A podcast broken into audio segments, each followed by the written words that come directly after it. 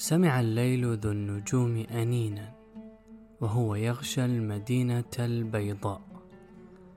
فانحنى فوقها كمسترق الهمس يطيل السكوت والإصغاء. فرأى أهلها نياما كأهل الكهف لا جلبة ولا ضوضاء. ورأى السد خلفها محكم البنيان والماء يشبه الصحراء. كان ذلك الأنين؟ من حجر في السد يشكو المقادر العمياء. أي شأن يقول في الكون شأني؟ لست شيئا فيه ولست هباء. لا رخام أنا فأنحت تمثالا ولا صخرة تكون بناء. لست أرضا فأرشف الماء أو ماء فأروي الحدائق الغناء. لست درا تنافس الغادة الحسناء فيه المليحة الحسناء.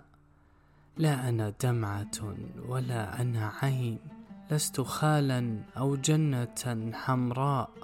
حجر أغبر أنا وحقير لا جمالا لا حكمة لا مضاء.